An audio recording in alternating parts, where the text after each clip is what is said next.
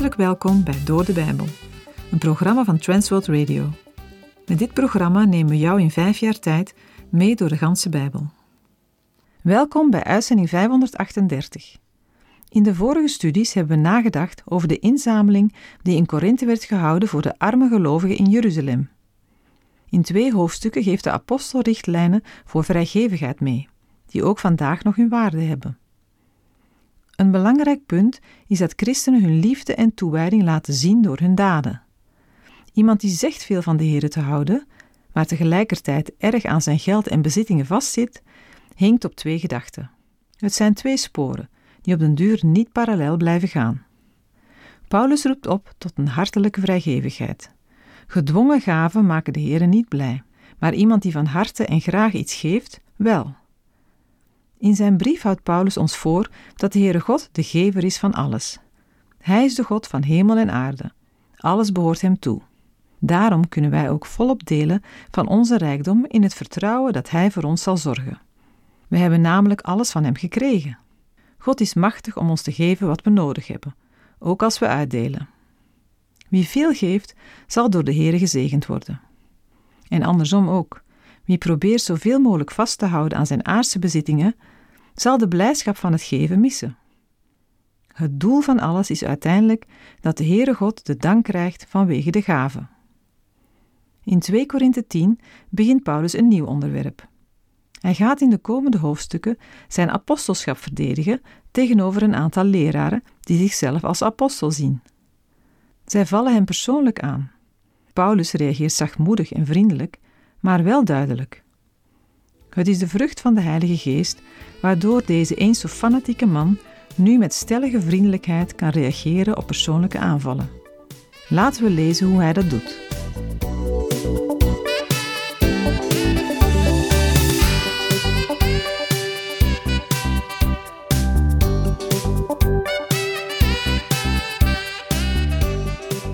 Met 2 Korinthe 10 begint het derde en laatste gedeelte van het Bijbelboek 2 Korinthe. In de vorige uitzending hebben we de eerste vier versen van het hoofdstuk al gelezen en besproken. We zagen al dat de apostel er zijn apostelschap verdedigt tegenover zijn aanklagers. De aanklagers zijn van Joodse afkomst, wat zal blijken uit 2 Korinthe 11 vers 22, waar Paulus Hebreërs en Israëlieten noemt. Deze Joodse leraren houden zichzelf voor apostelen en vinden Paulus onbetrouwbaar, menselijk en zwak. De aanval van de tegenstanders is op Paulus persoonlijk gericht. En daarom reageert hij ook zeer persoonlijk. 2 Korinthe 10 vers 4 De wapens van onze strijd zijn immers niet vleeselijk, maar krachtig door God tot afbraak van bolwerken. Paulus strijd is niet met menselijke wapens, omdat de wapens, de middelen die hij gebruikt van God zijn en niet van mensen. Het zijn geen wapens die horen bij de praktijken van de oude menselijke natuur. Ze zijn van een heel andere soort. Paulus noemt de wapens in dit vers geen geestelijke wapens, maar godswapens. Deze wapens zijn geschikt voor het neerhalen en afbreken van geestelijke bolwerken van duivelse heersers en machten. In Gods kracht en met zijn volmacht wordt elke tegenstand gebroken, in de naam van de Heer Jezus Christus, de Koning der Koningen en Heer der Heren. In de vorige uitzending hadden we het er al over. Geestelijke oorlogvoering betekent dat we een geestelijke vijand hebben. En een geestelijke vijand vereist geestelijke wapens. In Efeze 6, versen 14 tot en met 18 worden de wapens genoemd en uitgewerkt. Daar staat: Houd dan stand, uw middel omgord met de waarheid, en bekleed met het borstharnas van de gerechtigheid, en de voeten geschoeid met bereidheid van het evangelie van de vrede. Neem bovenal het schild van het geloof op, waarmee u alle vurige pijlen van de boze zult kunnen uitblussen. En neem de helm van de zaligheid en het zwaard van de geest, dat is Gods woord, terwijl u bij elke gelegenheid met alle gebed en smeking bidt in de geest, en daarin waakzaam bent met alle volharding en smeking voor alle heiligen. Wanneer we de brief aan Efeze zullen bespreken, gaan we er uiteraard uitgebreid op ingaan. Toch wil ik er, voor we verder gaan, al een paar zaken over zeggen. Gelovigen moeten de Heere vertrouwen op zijn woord. Het zwaard van de geest is het woord van God. Paulus kwam naar Korinthe, het centrum van filosofie en godsdienst met het wapen van het woord van God. Hij kwam niet met dure menselijke woorden, maar met het woord van God. Hij schrijft in Romeinen 1, vers 16: Want ik schaam mij niet voor het evangelie van Christus, want het is een kracht van God tot zaligheid voor ieder die gelooft, eerst voor de Jood en ook voor de Griek. Ook wij moeten vertrouwen hebben in het woord van God. Een ander wapen is de aanwezigheid van de Heilige Geest. Paulus erkende zijn eigen menselijke zwakheid. Hij wist dat hij verzegeld en vervuld was met de Heilige Geest. De Heilige Geest leidde hem en gaf hem kracht om het werk te doen waarvoor de Heer hem had geroepen. Nog een wapen in de geestelijke strijd is het gebed. Maar de apostel Paulus was niet enkel zelf een man van gebed, hij rekende ook op de gebedsondersteuning van zijn broeders en zusters bij het bekendmaken van het evangelie van Jezus Christus. Ook wij bij TWR vragen u graag om gebed voor het verspreiden van Gods woord. 2 Korinthe 10 vers 5 Want wij breken valse redeneringen af en elke hoogte die zich verheft tegen de kennis van God. En wij nemen elke gedachte gevangen om die te brengen tot de gehoorzaamheid aan Christus. Paulus noemt de argumenten en barrières op die hij met zijn geestelijke wapens zal neerhalen. In de eerste plaats zijn dat redeneringen, menselijk denken.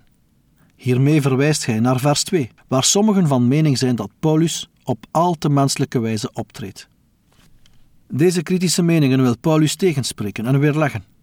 Het volgende dat wordt neergehaald zijn alle argumenten waarmee men zich tegen God verzet. Daarbij gaat het om het kennen van de Heer. Binnen het heidendom is van dit kennen van de ware God door de afgoderij bijna niets meer aanwezig. In wezen gaat het om het denken van de goddeloze mens, die God niet wil kennen of erkennen. De Corinthiërs zijn beïnvloed door zo'n mensen.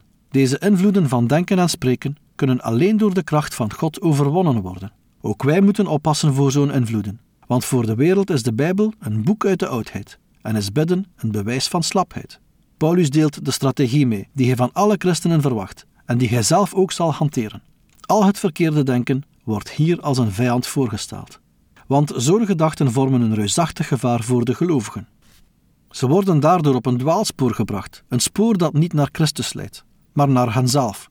De enige oplossing is die gedachten gevangen nemen.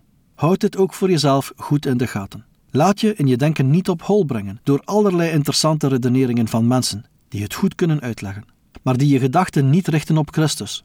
De toetssteen om te beoordelen of je met een goede manier van denken te maken hebt, is altijd: is je tot eer van de Heere Jezus? Wordt Hij er groter door gemaakt?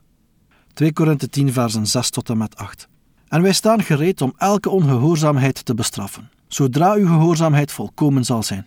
Kijkt u alleen naar het uiterlijk? Als iemand er voor zichzelf van overtuigd is dat hij van Christus is, laat hij dan ook dit bij zichzelf bedenken: dat zoals hij zelf van Christus is, zo ook wij van Christus zijn.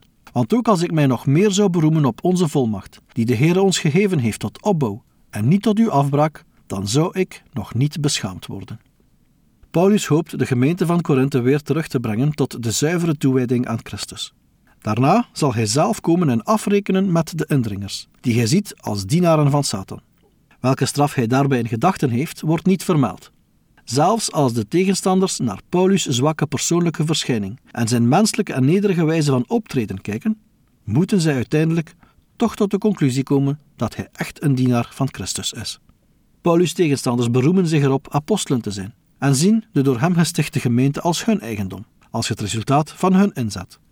Daartegenover stelt Paulus zijn eigen roemen, dat bestaat uit een zich beroemen op Gods kracht, die juist in persoonlijke zwakheid en in situaties van lijden het meest tot uitdrukking komt.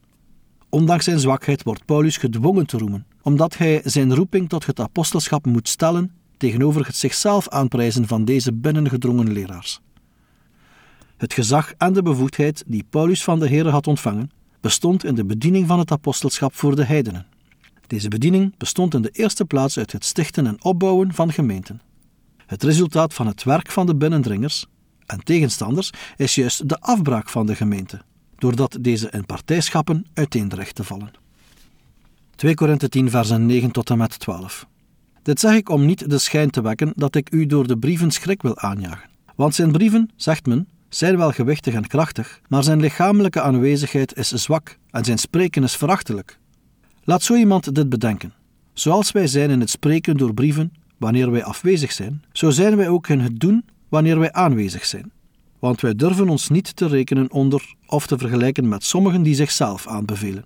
Maar door zichzelf af te meten aan zichzelf en zichzelf te verheerlijken met zichzelf, zijn zij bepaald niet verstandig. We lezen hoe de tegenstanders van Paulus over hem denken en spreken.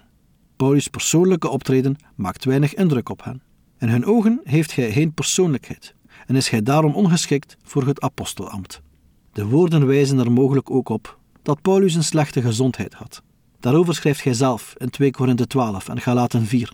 Paulus beoordeelt zijn eigen optreden als zacht, nederig en vriendelijk, en vol pastorale bewogenheid. Hij is zich ervan bewust dat zijn manier van spreken niet overeenkomt met de Griekse retorica en overredingskunst, maar dat heeft de verkondiging van het evangelie ook niet nodig. Degenen die zo kritisch en minachtend over de apostel spreken, zullen, als het erop aankomt, merken dat Paulus krachtig kan optreden. Al hoopt Paulus van harte dat een dergelijke confrontatie niet nodig zal zijn. Paulus rekent op een ironische manier af met de zelfingenomenheid van zijn tegenstanders. Hij wil zichzelf niet vergelijken met die mannen die zichzelf aanbevelen. Hij laat hun dwaasheid zien. Hun probleem is dat zij zich alleen maar met elkaar vergelijken en hun waarde afmeten aan hun eigen denkbeelden. Het zijn mensen die zichzelf als het ware in een spiegel bewonderen en iets verbeelden, omdat zij zich niet aan de kwaliteiten van anderen spiegelen. Hoe belangrijk is het hebben van het juiste vergelijkingsmateriaal, de juiste maat of maatstaf om zichzelf te kunnen beoordelen. 2 Korinthe 10 vers 13 Wij echter zullen niet onbegrensd roemen, maar overeenkomstig de grens van wat God ons toebedeeld heeft, om ook u te bereiken. Paulus wil zichzelf alleen beoordelen aan de hand van Gods maatstaf en regels. 2 Korinthe 10 versen 14 tot en met 16 Want wij overschrijden onze grenzen niet, alsof wij u niet hadden mogen bereiken wij zijn immers bij u gekomen met het evangelie van Christus. En wij beroemen ons niet onbegrensd op de inspanningen van anderen. Maar wij hebben hoop dat, wanneer uw geloof gegroeid zal zijn, ons werkterrein onder u overvloedig uitgebreid zal worden. Overeenkomstig wat God ons toegewezen heeft, om het evangelie te verkondigen in streken die nog verder weg zijn dan de uwe, zonder te roemen over wat reeds tot stand is gebracht in het toegewezen gebied van een ander. Paulus overschrijdt de grenzen van zijn roeping en arbeidsterrein niet. Hij verwijt de binnengedrongen leraars dat zij dat wel doen. Paulus behoort niet tot degenen die geen recht hebben zich met de Corinthiërs te bemoeien. Het bewijs van zijn bevoegdheid is geleverd door de geschiedenis. Paulus onderscheidt zich van de binnengedrongen leraren doordat hij zich niet beroemt op de inspanningen van anderen. Dat doen zijn tegenstanders wel. Zij werpen zich op als apostelen die leiding willen geven aan een gemeente die niet door hen is gesticht en ook niet door hen tot bloei is gebracht. Daarom wil Paulus het evangelie niet verkondigen op plaatsen waar al door andere verkondigers gemeenten zijn gesticht. 2 Korinthe 10 versen 17 en 18 Maar wie roemt, laat hij roemen in de Here. Want wie niet zichzelf aanbeveelt, die is wel beproefd, maar wie door de Here wordt aanbevolen.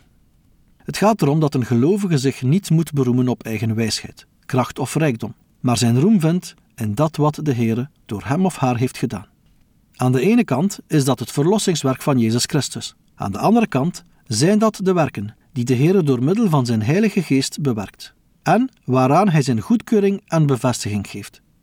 De apostel Paulus zegt aan de gelovigen in Korinthe dat hij doet waarvoor de Heer hem heeft geroepen. 2 Korinthe 11 versen 1 en 2 Verdroeg u mij maar enigszins in mijn dwaasheid. Ja, verdraag mij toch, want ik beijver mij voor u met een ijver van God. Ik heb u immers ten huwelijk gegeven aan één man om u als een reine maagd aan Christus voor te stellen. De Corinthiërs verdragen het dat er door indringers een ander soort evangelie wordt gepredikt. Zij verdragen het dat deze over hen zijn gaan heersen, hun geld verteren en zich hoogmoedig boven hen verheffen. Als de Corinthiërs dat allemaal kunnen verdragen, dan zullen zij ook verdragen dat Paulus zich een keer als dwaas gedraagt, als gij een vergelijking trekt tussen zichzelf en deze leraren. In Paulus' woorden ligt een grote bewogenheid voor de Corinthiërs. Hij heeft hen zogezegd uitgehuwelijkt aan één man en als een kuise bruid met Christus verbonden. Paulus stelt zichzelf voor als een vertrouwensman die het contact legt tussen de bruidegom en de bruid en hun beide families om de verloving en de bruiloft te regelen. Hij heeft er belang bij dat de bruid in de verlovingstijd zich niet inlaat met andere mannen. In het Oude Testament kennen we de beeldspraak van het huwelijk van God met zijn volk Israël. De Heere laat zich daarbij kennen als een toegewijd echtgenoot, die niet duldt dat zijn volk hem ontrouw is, door op overspelige wijze de afgoden te dienen. In het Nieuwe Testament vinden we dezelfde beeldspraak met betrekking tot Christus en zijn gemeente. Straks bij de wederkomst mag Paulus de gemeente als het ware, als bruid aan de bruidegom, aan Christus voorstellen, waarna de bruiloft van het lam kan plaatsvinden. Zoals bij het huwelijk de reinheid en maagdelijkheid van de bruid een vereiste is, zo belangrijk is bij de wederkomst de zuivere toewijding aan Christus. 2 Korinthe 11 vers 3 Maar ik vrees dat, zoals de slang met zijn sluwheid Eva verleid heeft, zo misschien ook uw gedachten bedorven worden weg van de eenvoud die in Christus is. Paulus is bang dat hij de gemeente niet als een reine en zuivere maagd aan Christus zal kunnen voorstellen. Er is iemand die probeert deze maagd te bedriegen en te verleiden tot ontrouw. Paulus verwijst naar Genesis 3, vers 13, waar Eva zich verontschuldigt door te zeggen dat de slang haar heeft bedrogen en misleid. 2 Korinthe 11, vers 4. Want als er iemand komt die een andere Jezus predikt, die wij niet gepredikt hebben, of als u een andere geest ontvangt dan die u ontvangen hebt, of een ander evangelie dat u niet aangenomen hebt, dan verdraagt u dat best. De gemeente in Korinthe heeft vol interesse geluisterd naar de verleidende prediking van de binnengedrongen leraars. Uit 2 Korinthe 11 vers 22 kunnen we afleiden dat deze groep bestond uit Joden. Zij kwamen met aanbevelingsbrieven, misschien afkomstig van de apostelen uit Jeruzalem, die hun een groot aanzien gaven. Hun waardering van de Griekse welsprekendheid doet vermoeden dat zij uit een Grieks sprekend milieu kwamen. Zij prijzen zichzelf aan en vinden het vanzelfsprekend dat de gemeente hen financieel ondersteunt. Paulus zegt dat zij een andere Jezus verkondigen. Waarschijnlijk leggen deze predikers de nadruk op het aardse optreden van Jezus. Mogelijk verkondigen zij Jezus als een soort wijsheidsleraar, die gnostieke openbaringen onderwees. 2 Korinthe 11 vers 5 Want ik ben van mening dat ik in niets minder ben geweest dan de apostelen bij uitstek. Er is Paulus heel wat in de schoenen geschoven, toch heeft hij de Corinthiërs te lief om hen een prooi te laten worden van deze bedriegers. Daarom voelt hij zich genoodzaakt om over zichzelf te spreken en de Corinthiërs het verschil te laten zien tussen de manier waarop hij bij hen heeft gewerkt en die van deze misleiders. Je proeft de ironie als gij zegt dat gij zich best kan meten met deze superapostelen.